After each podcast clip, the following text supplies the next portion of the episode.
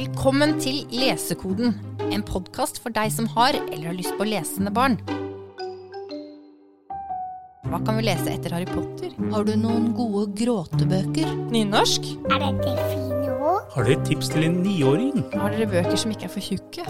Krig og sånn? Har dere noen bøker om følelse? Nesten alle barn og ungdom spiller dataspill, og mange forelder klør seg i huet. Hva betyr det at barna sitter foran skjerm? Og hvordan sørge for at de bruker tiden utenfor skjerm riktig? Tar gaming helt over for andre aktiviteter, sånn som lesing? Jeg heter Ingrid og jobber som formidler på Deichman. Og på biblioteket får vi mange spørsmål og bekymringer når det gjelder barn, skjermbruk og lesing. Jeg har ikke alle svarene. Og det har ikke min gode kollega Sigrid heller. Hei, Sigrid. Nei, det har jeg ikke. Nei. Men kanskje kan dagens gjest, spilleekspert Rune Fjell Olsen Hei på deg. Hei, hei. Kanskje du kan gjøre lesekodens lyttere litt klokere. Ja, det, det vet jeg ikke. Dette er jo et kjempekomplisert eh, tema. Også for meg. Jeg har to barn. eh, En på ni og en på elleve. Og har jo akkurat den samme utfordringen hjemme hos oss. Eh, Det er lite som er mer morsomt enn å spille. Så, um, så det å på en måte få mine barn også til å engasjere seg i lesing, er en utfordring. Altså. Jeg skjønner at dette er komplisert for, for folk. Ja. Men et viktig oppdrag. Og sammen skal vi tre ta for oss da spørsmålet som vi får her på Deichman titt og ofte. Hvordan få gameren til å lese? Og for å begynne med deg, Rune, kan ikke du fortelle litt, eh, siden du både er glad i spill og i litteratur, kan du fortelle litt om eh, hvordan har du blitt eh, spillentusiast? Jeg starta jo med bøker. Eh, Gjennom hele barne- og ungdomstiden min så var det bøker som var viktigst. Jeg leste masse, vokste opp på landet. Eh, Det var det morsomste jeg kunne gjøre. Så jeg ble en sånn ordentlig lesehest. Da bodde litt på biblioteket. Alt fra Jules Vern til Hardy-guttene, eh, Uendelig historien, etter hvert Astrid Lindgren, eh, så Stephen King. En sånn progresjon der, da. Kjempegøy. Grunnen til at, at jeg på en måte kom inn i spill, var også litt den der litteraturbakgrunnen. Fordi jeg spilte et spill som heter eh, Space Quest 3, eh, sånn sent i ungdomsårene. Og da var jeg ute i verdensrommet. Jeg reiste rundt på asteroider og gikk på bar og nattklubb der. liksom. Jeg fant ting, hadde romskipet mitt, møtte liksom fremmede raser. Og så Det lignet på den litteraturopplevelsen jeg hadde hatt. da. Ligna litt på den samme um, interaktiviteten. Fordi når man leser en bok, så bidrar man så mye selv. ikke sant? Man bygger disse verdenene inni hodet sitt og deltar i dem på en helt annen måte enn eh, man gjør når man ser en film. Og der ligner faktisk eh, spill og bøker eh, hverandre ganske mye. Altså. Utfoldelse i fantasi. Ja. Hvordan tror du det er for barna dine?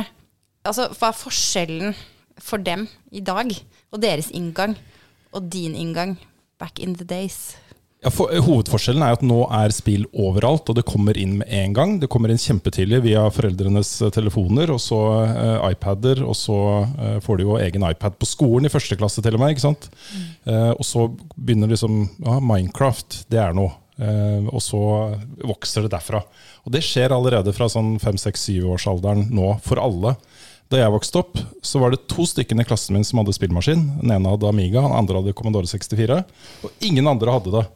Eh, Så, så det var på en måte en, en sånn mangelvare. da. Det var noe, noe eksklusivt, noe som var vanskelig å få tak i, noe som alle, ikke alle hadde.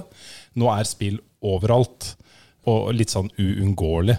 Det, det bare kommer uansett. Eh, Det som gjerne skjer, er at man kommer på skolen i første klasse. Til da har du bare vært sammen med andre barnehagebarn. ikke sant? Eh, Men nå er det plutselig noen som har en storebror eller storesøster med en PlayStation som de har Minecraft på, eller Slime Rancher eller Gang Beast eller et eller annet som er sånn ordentlig gøy da, for de yngste. Og da er på en måte løpet litt kjørt. altså. Det, da, da blir man en gamer. Og det ser du jo på statistikken også. Nær sagt alle, eh, i hvert fall på guttesiden, men også de fleste jenter, spiller jevnlig eh, opp til 18. Kan jeg skyte inn at det er et veldig viktig poeng, fordi at når vi snakker om gameren, også i den podden her, men, men vi har en sånn stereotypi, eller mange har fremdeles det, at gameren er liksom eh, en gutt på 14 som sitter på rommet sitt liksom, og spiller hele natta. Det er gameren, men det er ikke det. Altså, det er en ekstremt sammensatt uh, greie. Og alle er gamere. Det skal vi snakke er mer om. gamere. Eh, Ja. Og så er det også sånn at jeg tror mange tenker at spill er kanskje først og fremst voldsspill.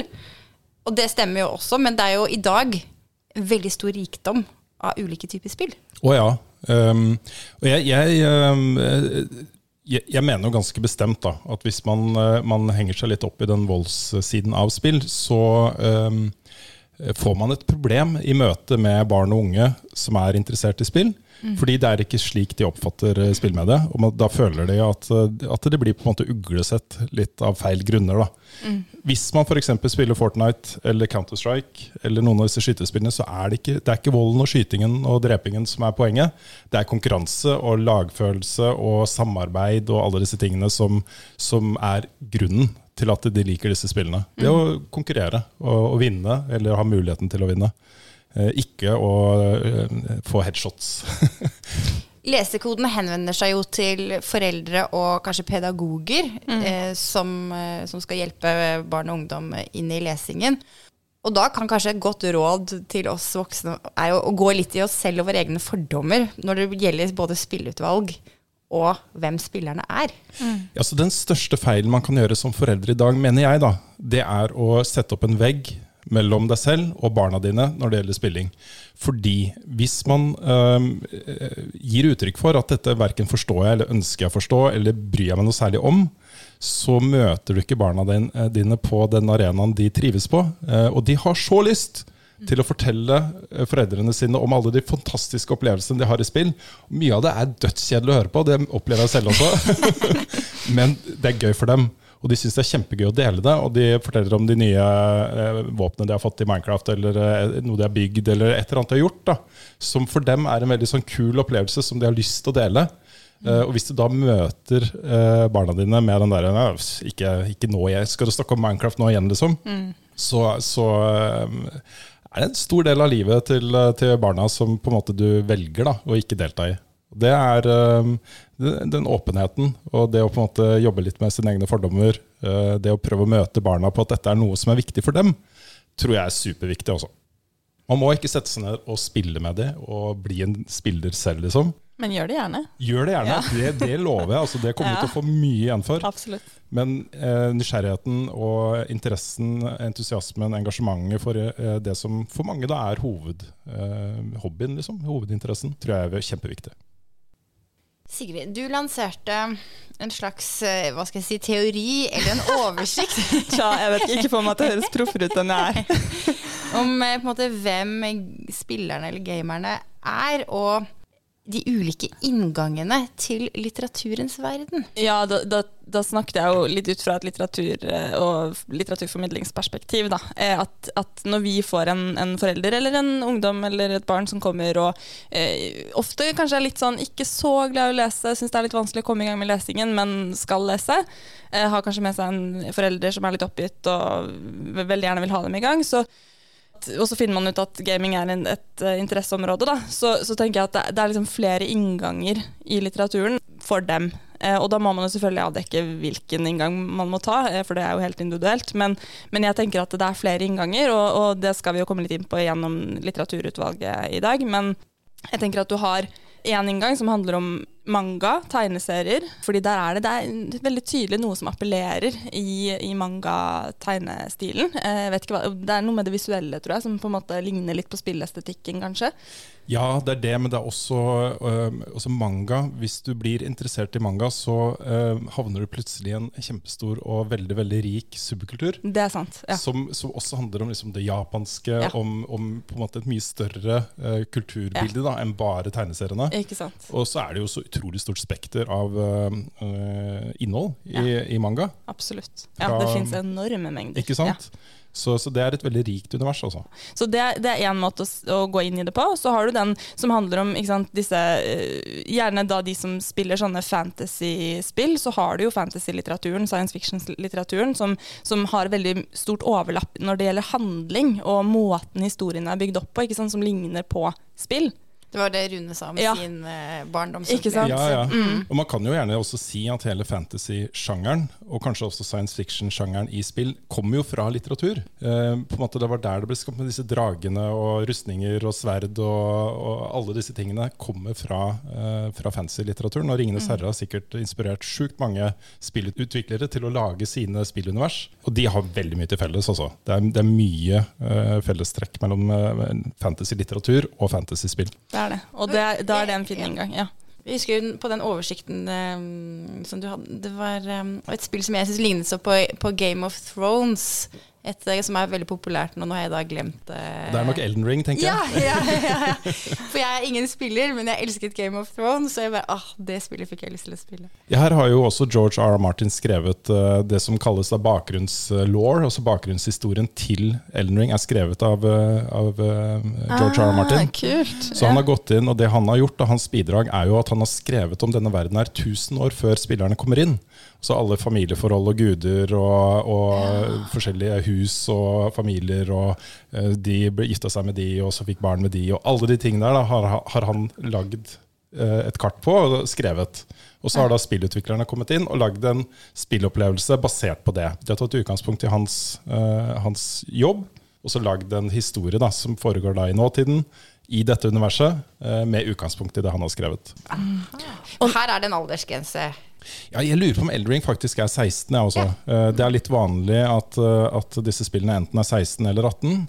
Eh, Det kan hende at Elden Ring kanskje er 18, men jeg er ganske sikker på at kanskje det holder seg innenfor 16-årsgrensen.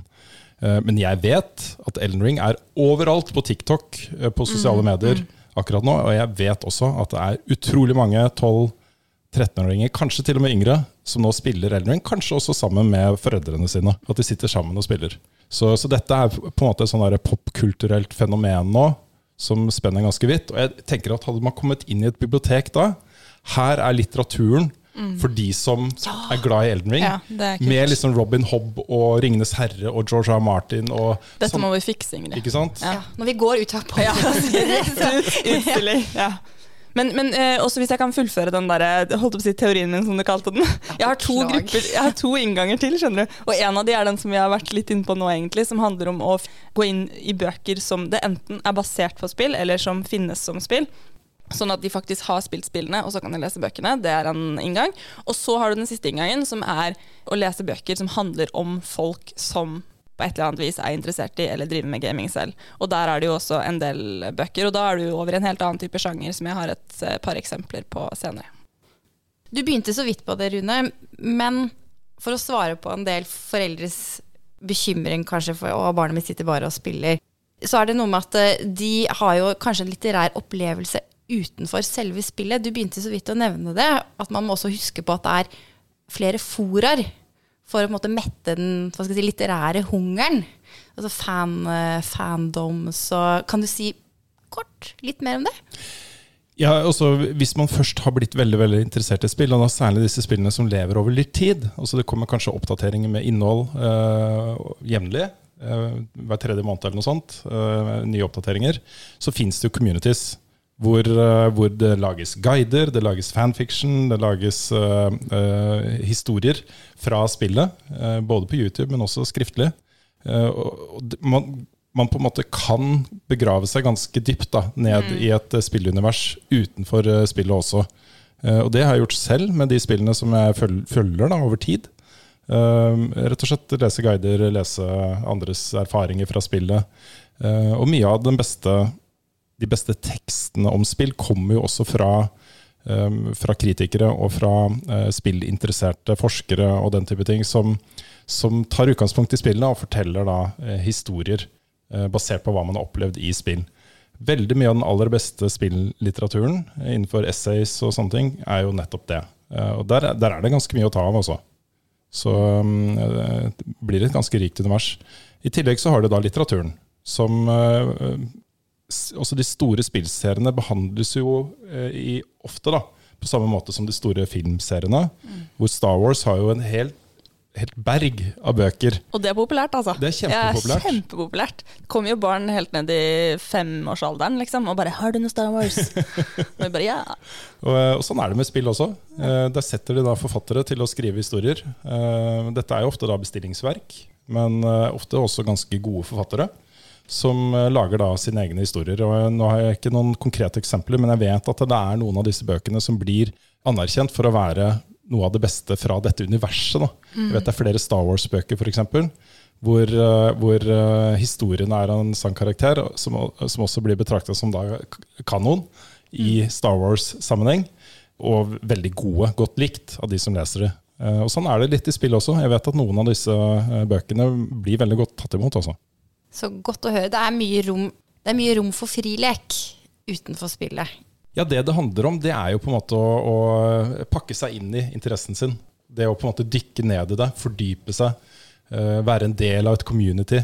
Alle disse tingene som man kjenner dem fra alt mulig rart annet. Fra, hvis du er glad i å strikke, liksom, så fins det jo blader for det. Mm.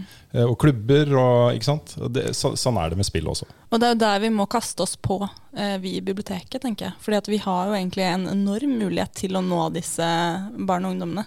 Eh, Og foreldre. og foreldre og lærere, alle sammen. Men, ja, nei, men altså, jeg tenker at vi, vi Ja, at det nettopp også fordi det er denne voldsomme på en måte dypdykkulturen da, som ligger i mediet. Så at vi ikke er, kanskje er gode nok til å utnytte det, da. For det er jo en vei inn i litteraturen også. Forligger også. Ja. Mere, mere, mere.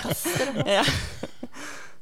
For å snakke helt konkret om bøker vi kan anbefale. Rune. Ja, jeg, jeg, eh, jeg tenkte å nevne en bokserie av en forfatter som heter Mark Cheverton. Og det var en bokserie vi oppdaget på biblioteket, jeg tror det var til og med her på Majorstuen. Uh. Hvor vi fikk det anbefalt eh, til min eh, Minecraft-elskende sønn. Dette kunne kanskje være noe, så jeg leste den høyt for han. Og det var en suksess, altså. ja, så bra. Her, det, det handler da om en gutt som på magisk vis Faren hans er oppfinner. På magisk vis, vis så havner han inne i datamaskinen og inne i Minecraft-verden. Eh, hvor det da foregår også Det blir jo virtuelt, uh, en virtuell verden som ikke ligner nøyaktig da, på den spillverdenen han er kjent med. Men hvor han på en måte blir en del av den. Uh, og alle disse NPC-ene, disse ikke-spillbare figurene som bor i landsbyer og gjør ting. De har jo sine egne liv og sine egne situasjoner osv. Og så er det noe veldig skummelt som skjer, og så skal du redde verden. Og så blir det en sånn klassisk heltehistorie. da. Den var veldig effektiv, altså. Det var veldig eh, engasjerende og, og, mm, for- sønnen min. Nå skal det sies at han mista nok litt interessen etter den første boka. Jeg tror bok nummer to så var det sånn Ja, dette har jeg opplevd før. Men som en sånn start så tror jeg det funka veldig bra. Og det er Game Night 999, serien Game Night 999-serien. Ja. Dette er jo da nikket til eh, hovedpersonen eh, i spillet. Ja, nettopp. Så i da Minecraft så heter den Game Night 999. Skrevet av Mark Cheverton. Mark Cheverton.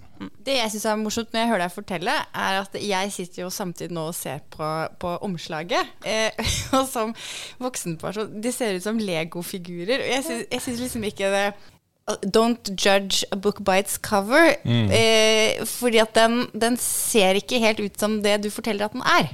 Nei, men Det er jo sånn Minecraft ser ut. Det er ja. blokkbasert, alt er firkanter osv. Det er jo veldig inspirert av Lego, hele universet her. Så alle som har vært innom Minecraft én gang, vet jo at det der er Minecraft. Så den er jo veldig lett å ta også pga. coveret. Og så de det- interesserte. Ja, og så finnes det også eh, det som kalles Minecraft Story Mode, som er en, en serie på Netflix. Uh, som jo også, hvor, hvor de er tegna med firkanta former og sånt. Det skal også visstnok bli en film, en kinofilm av Minecraft. Jeg lurer på om det var, eh, det var en eller annen The Rock eller noe sånt som skulle spille Steve. Jeg husker ikke helt. Han er jo ganske firkanta i utgangspunktet. Jeg har med en serie som jeg tenker er fin å nevne nå, eh, og det er Beast Quest. Og det er fordi Den er litt i samme, henvender seg til samme målgruppe, tenker jeg. Og her er vi jo på de litt yngre leserne, altså jeg tenker helt fra 6-7-årsalderen hvis man blir høyt lest for, eller så kan man lese det selv opp til 10-11 hvis man vil det. Det som er fint med den her, er at den er kommet i nyutgave nå, så den er faktisk ganske ny og liksom har appellerende illustrasjoner og gjennomillustrert. Og det er også litt sånn som med, med den Minecraft-boka, eh, så er det jo en fantasy-serie. Veldig sånn klassisk historie. ikke sant? Altså, det er drager, det er riddere, det er redde verden, alt det her. her. Eh, Monstre og onde trollmenn og ja.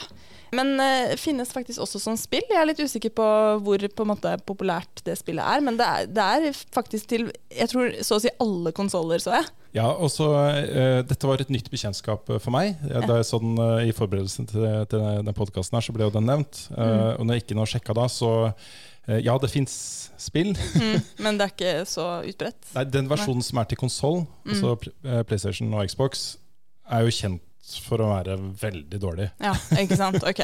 Men det fins også et mobilspill til IOS og Android som visstnok skal være ganske bra. Ja. Eh, Så um, jeg jeg kjenner ikke til de selv, eh, men det er nok litt sånn betegnende at, at jeg, med alt jeg vet om spill, ikke hadde hørt så mye om eh, serien. Så, så er den nok laget for eh, leserne, tenker jeg. Ja, og det er nettopp det. For jeg tenker at Uavhengig av om man spiller spill eller ikke, så har jo denne boka den er jo laget med spill. Estetikken. Det Mm. er samme oppbygning. ikke sant? Så den her går rett inn i det. Hvis man liker de historiene, så er den engasjerende, den er spennende, den er ganske lettlest. Det er en veldig fin inngang til Den, den her skal jeg teste ut på sønnen min, for jeg ble veldig veldig nysgjerrig på den. Og mi- minte meg om, også Dette er på en måte vår tids uh, Hardy-guttene. da. Fordi? Hardy-guttene Mm. ble jo skrevet av uh, ukjente forfattere under et felles uh, pseudonym. Mm. Det er jo denne serien her Ja. også, hvor det er fantasyforfattere som kommer inn og bidrar. Eh, masse bøker, og hvis den først treffer, da, så har Ja. du et eh, svært, Ja, svært bibliotek av, eh, av bøker å ta av. Og det er jo pseudonymet som brukes, er jo da Adam Blade. For de kanskje bitte litt eldre. Ja, fordi det er jo mer å ta av når du kommer til liksom ungdomshylla. Og etter hvert også voksenhylla. Em, så jeg har med noen ungdomsbøker. Først 'Gamer' av Tor Arve Røsland. Den her det er en bok i serien som heter Skumringserien. Og det er en lettlest spenningsserie for ungdom 13 pluss. Altså, jeg tenker at den kan funke nedover i alder også hvis man har litt eh, vågale eh, lesere. Um, men, og den kan funke ganske langt oppover i alder. Men det som er fint med den, er at den er veldig lettlest. Den, den har korte setninger, mye luft på sidene. Det er eh, veldig handlingsdrevet. Eh, spennende. Og det handler jo da om en gamer. Sjokking. Eh, men det handler om en, en gjeng da, en, eh, med venner som, som um, gamer et nytt uh, spill som for meg virker litt sånn Vov-inspirert. Altså, det er et online-spill. Eh, og der danner de en sånn såkalt guild. Um, de får Det vet alle barn og unge. alle som gamer hver, er. Ja. Tror jeg. Ja, Alle vet hva en guild er. Level- Kanskje ikke foreldrene. Level og guild tror jeg de Ja. veldig mange Ja, vet. det er Guild i rollespill, og så er det klan i skytterspill. Ikke sant, ja. nettopp. Eh, men de danner i hvert fall en, en guild. Eh, og hovedpersonen får jo da venner gjennom spillet. Og etter hvert så begynner det liksom å avansere, og det blir snakk om å eh, spille om penger, og liksom det blir ganske intenst, da. Men så begynner det å skje ting som er litt skummelt. Han opplever da i virkeligheten, utenfor spillet, at noen begynner å følge etter ham på gata. Og så opplever han at noen hacker han. Altså, det begynner å skje liksom mystiske ting. da. Eh, og så er jo spørsmålet eh, hvem han kan stole på, og hvem er egentlig farligst? Er det vennene i virkeligheten, eller er det vennene i spillet? Så her er det liksom den virkelige verden og gamerverden som på en måte kolliderer, da.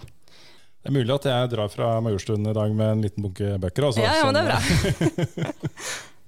Men du har jo også med deg, eller i hvert fall oppi hodet ditt, noen bøker hit. Ja. Ready Player One. Ja, dette er jo kanskje da egentlig først og fremst en bok for oss som vokste opp på 80-tallet. Eh, veldig mange av referansene er jo til liksom, 80-tallet og eh, det vi vokste opp med. Eh, og hvis man har gjort det, så får man kanskje ekstra mye ut av boka. Men den tegner også et, et futuristisk bilde av et samfunn vi kanskje er litt på vei over mot. da. Med fremveksten av virtuelle verdener og eh, hvilke muligheter og utfordringer og farer eh, det gir. Så uansett en ganske spennende science fiction-historie, eh, som kanskje da både foreldre og barn kan få ganske mye ut av. Typisk en sånn bok som man kan lese sammen, tenker jeg da. Og han har jo også skrevet, han Ernest Klein, en, en oppfølger som handler mer om sånn World of Warcraft og rollespill, eh, men litt i samme gate, da. Så eh, spennende måte å på en måte trekke inn spillreferanser og spillkultur inn i eh, spennende science fiction-historier. Jeg vet også at det er veldig mange ungdommer som leser den der og digger den. Altså, Og gjerne også da folk som kanskje har sett filmen først, og som likte filmen, og så leser de boka etterpå. Så det er mye ungdommer eh, på, ja, fra 13 år oppover da, som, som leser den og elsker den. Så hovedpersonen her går rett inn i på en måte sånn type Harry Potter-hovedperson. Hunger Games. Også veldig sånn klassisk eh, hovedperson som, eh, som får en utrolig stor rolle i den verden her. Og så mye ansvar på sine skuldre. da. Eh, Det er veldig spennende, altså. Du nevnte jo i din flotte oversikt en kategori som er litt mer realistisk. Ja. Om livet. Ja. For det er jo ikke alle som liker å lese fantasy og science fiction altså, og spenningsbøker, selv om de driver med gaming. Og en annen inngang er jo det å, å på en måte bare lese om folk som er interessert i det samme som deg. Da er det en norsk forfatter som heter Nina Borge, som har skrevet flere bøker som handler om gamere på ulikt vis. Og en gamer kan jo også være en som spiller Fifa. Det er jo et helt annet type spill. Så den siste boka hennes, Fumbler, den handler om en gutt som er veldig god i Fifa. Den tenker jeg er veldig fin for også fotballinteresserte generelt. Da. Men, eh, men hvis man spiller Fifa, så er den en veldig fin inngang. Men så er den en livbok, som vi kaller det. da. Så dette er jo en realistisk hverdagshistorie som handler om vanlige, gjenkjennelige eh, problemer som knyttet til vennskap og utenforskap og kjærlighet og alle de greiene der. Eh, og så er den også en bok som tar opp eh, fattigdom, faktisk, eh, som tematikk. Eh, En fin historie, men en helt annen type bok, da. Og så vil jeg også bare nevne Outlaster, som kom eh, i 2021, eh, som også skrevet av Nina Borge. Hvor det handler om Adrian som er veldig god i CSGO. Så det er den, eh, den verden da, som blir eh, beskrevet. Men han har også et, en ganske stor utfordring knyttet til det at han, han sliter veldig på skolen. Han har skolevegring, og han har eh, mye angst. Så der får du den tematikken inn også. Så det er, det er livets opp- og nedturer. Både på spillarenaen og utenfor spillarenaen. Det temaet der eh, har jeg veldig veldig sansen for også, fordi um, det er en veldig positiv ting med spill, og særlig da multiplayer-spill eh, for barn, er jo at det er en veldig uh, demokratisk, uh, jevnt fordelt interesse. I fotball, fysisk fotball f.eks., så er det sånn at noen har bedre fysiske egenskaper enn andre, og andre blir det siste som blir valgt ut på laget hver gang. I spill så kan det være omvendt, eller man kan være på en mye likere uh, arena. Da. Og jeg har opplevd så mye med særlig sønnen min, at, eh, at eh, det er kanskje gutter som ikke passer helt inn i den fotballgæren-greia, har kommet inn i et fellesskap.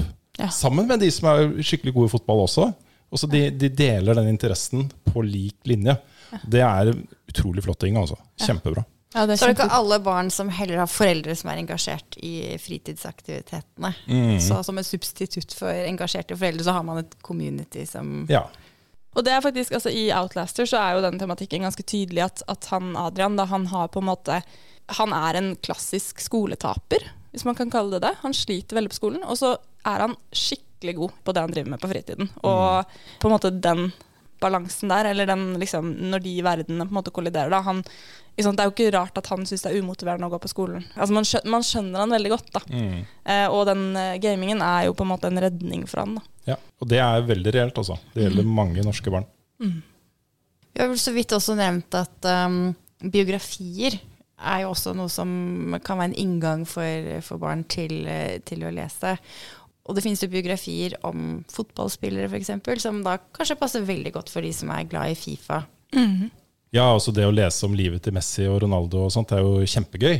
Hvis du er veldig veldig interessert i fotball. fotball eller verdensrommet, hvis du er interessert i, i stjerner og planeter. Og, og Eller generelt teknologi. altså Du har jo en del sånne teknologipersonligheter som også jeg tror appellerer til mange av disse leserne, faktisk. Det har kommet et skred av biografier for barn og unge om veldig mange forskjellige ulike typer personligheter. Og om det er fotball eller ikke, så er det vel kanskje det med å være en hva skal si, liten person som får til noe stort. Og det er kjempeinspirerende og helt sikkert appellerer til spilleglade så vel som som Det er en av de seriene jeg husker best fra min egen barndom. Det var en sånn serie bøker hvor det var om eh, Madame Curie. Og Ja, det Ja, historien om Ja, ja, ja. Florence Jeg elsket den om Helen Keller. Helen Ja. Keller, Den var så så inspirerende. Ja, ja, ja. Altså, ja. Den finnes jo, De har, De har jo prøvd å lage en ny versjon av den. Eh, Det har ikke kommet like mange bøker i den, men det fins noen som er litt eh, Altså Det er jo noen problemer da med den gamle serien. Eh, Den er ganske sånn eh, Ja, hva skal man si? Ensrettet i Mm. fremstillingen av disse menneskene. Ja. Eh, Så det har den jo fått litt kritikk for, men, de, men det, altså, jeg syns absolutt det er gøy å lese. Så lenge man har på seg liksom nåtidens briller da, når man leser. Jeg var såpass liten at jeg, jeg klarte å blande Helen Keller og Marie Curie. Så, oh, ja. så jeg tror at Marie Curie var blind Ja, og døv. nettopp. Ok. Og vant Ja, Nobelspris. det hadde vært helt vilt. Fy søren. Manga. La oss hvile ja. ordet manga. Ja. Og da vil jeg bare nevne først som sist at vi veldig nylig lagde en Lesekoden-episode om manga. Så vi kommer ikke til å nevne så veldig mange mangatitler nå, men hvis du tror det er inngangen til ditt gamerbarn, så hør på manga-episoden, for der har vi gjester fra Serieteket som har veldig peiling på det, og som kommer med mange gode tips. Men jeg har med min favorittmanga, som ikke ble nevnt i den episoden. Og det er en Ja, den har faktisk kommet i en enorm kolossutgave på engelsk, men den er nok mulig å få tak i i um, enkeltbind også. Eh, og det er Death Note. Skrevet av Tsugumi Oba eh, og tegnet av Takeshi Obata. Og det her, altså herregud som jeg elska det. Altså Jeg bare slukte det. Og den her fins også som eh, anime, og jeg så hele den animeen på YouTube.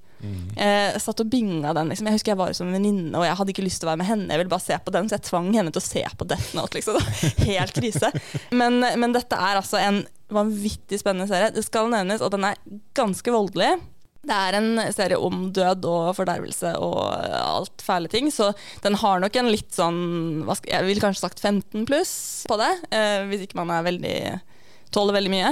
Men det handler da om en eh, 17 år gammel eh, ung mann som eh, finner en notatbok. eh, Og den notatboken den har den eh, evnen at den Hvis du skriver ned navnet, du må kjenne navnet, og dødsårsaken til et menneske Du kan skrive hva du vil, jeg kan skrive Ingrid, og så kan jeg skrive eh, kveles av eh, en peanøtt, liksom. og da skjer det. Så han, eh, hovedpersonen han eh, blir jo først veldig redd for det her. Han syns det er litt skummelt. eh, Voldsomt stor makt han plutselig får. Men det går jo da fra at han er først veldig usikker, så bestemmer han seg for å liksom redde verden for, fra alle fæle folk. Så han begynner liksom å ta livet av mordere og grusomme mennesker som har gjort forferdelige ting. Men Men så eskalerer det her, og han blir rett og slett bare mer og mer gal. Og det er intenst, altså. Skikkelig skikkelig spennende. Ganske grusomt, og veldig godt både tegnet og skrevet, vil jeg si da. Og jeg tenker det her appellerer jo til veldig mange, tror jeg, Mm. som liker spill. Ja. Jeg er ikke så inne i manga selv, men jeg har eh, kollegaer som er veldig interessert i manga. Kan jeg først ta en, eh, en som jeg personlig er veldig glad i. Det er en serie som heter Berserker. Som jo er den største inspirasjon, inspirasjonskilden til mine favorittspill. Eh, Dark Souls og Elden Ring og disse spillene. Du kjenner dem veldig mye da, fra Berserker der. Eh, men et, et veldig sånn motstykke da, til all denne volden og disse fæle historiene, er en serie som heter Haiku. Som handler om, eh, om eh, volleyball på high school. Ja, det er fint Ja, eh, og en litt sånn sportsserie, da. Ja. Som, som er både veldig morsom og veldig sånn varm. Vet du om den finnes på norsk? Jeg tror ikke den fins på norsk. Nei, for det er jo det som er litt utfordringen med manga, er jo at veldig mye ikke fins oversatt, Ja. dessverre. Mm. Den er i hvert fall på engelsk. Ja. Så um, samtidig som barn og unge i dag leser mer engelsk enn Ja. vi gjorde. ja, altså Mine er da 9 og 11, og de har nå begynt å be om å få se den engelske versjonen av filmene vi ser, istedenfor å se den norske Ja. versjonen. Så de har begynt å skjønne ganske mye allerede. Mm, kult. Og så helt til slutt så vil vi også bare nevne, vi har jo vært inne på det, men dette med at det finnes en del bøker som også finnes som spill. altså Enten at de er først skrevet som bøker og så laget som spill, eller motsatt. Du har faktisk også noen som er basert på spill. Mm. Og der har jo altså Assassin's Creed er jo kanskje stjerneeksempelet på det, da. Ja, Eh, masse bøker. Mm, Masse bøker. Eh, også flere av de som er kjent for å være ganske gode. mm. Dette er jo et veldig rikt univers eh, med veldig mye spennende historiefortelling. Eh, Disse eh, snikmorderne som eh, på en måte endrer the course of history. Mm. Og da disse tempelridderne som jobber mot de, hvor du har både en historie som foregår i dagens samfunn, hvor de da reiser tilbake i tid gjennom minnene til folk, gjennom genene til folk, for å gjenoppleve da, fortiden. Og kjente uh, historiske steder fra Roma til Egypt og osv. Også Norge. Stavanger. Så, um, så der er det veldig mye å ta av. Og så har du også da andre veien, bøker som så har blitt laget som spill, og der er det jo et veldig aktuelt eksempel, som er Wolveren, eller The Witcher, som er skrevet av en polsk forfatter, Andre, Andrzej Zapowski, som finnes som bøker, og de er faktisk også oversatt til norsk. Så skal det også nevnes at disse bøkene, dette er jo ting som vi har på voksenhylla hos oss, og dette er jo for de sterke, forholdsvis sterke leserne, og eh, de litt eldre leserne, da. Um, Det er litt samme spill at hvis, hvis et spill har 18-årsgrense, så kan du gå ut ifra at, at uh, det yngste publikummet kanskje starter allerede på 14-15 også. ja. Eh, For, for det er jo veiledende aldersgrenser i Norge. Og akkurat som eh, på kino og TV, så lar jo ofte foreldre de ser an barna sine. ikke sant? Eh, Tåler de dette? Er de modne nok til dette? Ja. Og i mange tilfeller så er jo svaret på det ja. Og så er det sånn at med litteratur, i hvert fall min erfaring, er jo at altså, de aldersgrensene som gjelder film og spill, altså du kan kanskje tenke litt yngre når det gjelder bøker. Eh, ikke alltid, eh, men ofte så er jo det å lese noe, da blir det jo litt mindre eh, in your face, hvis du kan si det. Så man styrer jo litt mer selv på en måte når man leser en bok, da. Ja, Medietilsynet har jo forskjellige aldersgrenser på om du ser på innhold, eller om du eh, er interaktivt del av innhold. Eh, Så da et spill med 18-årsgrense eh, ville da fått anbefalt 15 på Ja. YouTube. Ikke sant? Hvis noen spiller Og da tenker jeg på. at boka sannsynligvis også ligger rundt der, altså jeg også tror 15, 15 pluss. Og det handler egentlig også veldig mye om Selvfølgelig innholdet er én ting, men også eh, så handler det om lese, altså hvor man er på lesenivå. Fordi Mm. mange av disse bøkene har jo veldig mye tekst, og er ganske tunge å lese, egentlig. Sånn at du må jo være Du må jo ha en viss lesekompetanse også, før du klarer å lese det, rett og slett. Mm. Jeg har lært veldig mye nå. Bra. Jeg òg har jeg lært også. masse. Nå kan jeg gå ut i bibliotekrommet og guide Guide. mye bedre enn jeg kunne før. Og så skal vi lage utstilling. Det skal vi òg. Og så skal jeg lese enda flere bøker som dere nå har anbefalt. Tusen hjertelig takk, Rune, for at du har vært med oss i dag. Du, Det er bare hyggelig. Og jeg nevnte jo dere før opptak også, men jeg er jo litt sånn ekstra glad i, i norske biblioteker. Jeg, sy jeg syns dere gjør en utrolig viktig og fin jobb. Og det å på en måte ha, dette, ha denne tilgangen her til litteratur gratis for hele befolkningen er er, et, er et gode Det er flott. i samfunnet. Så dere gjør en innmari bra og viktig jobb også. Takk for det. Hva var det? Det var lyden av lesekoden som knakk.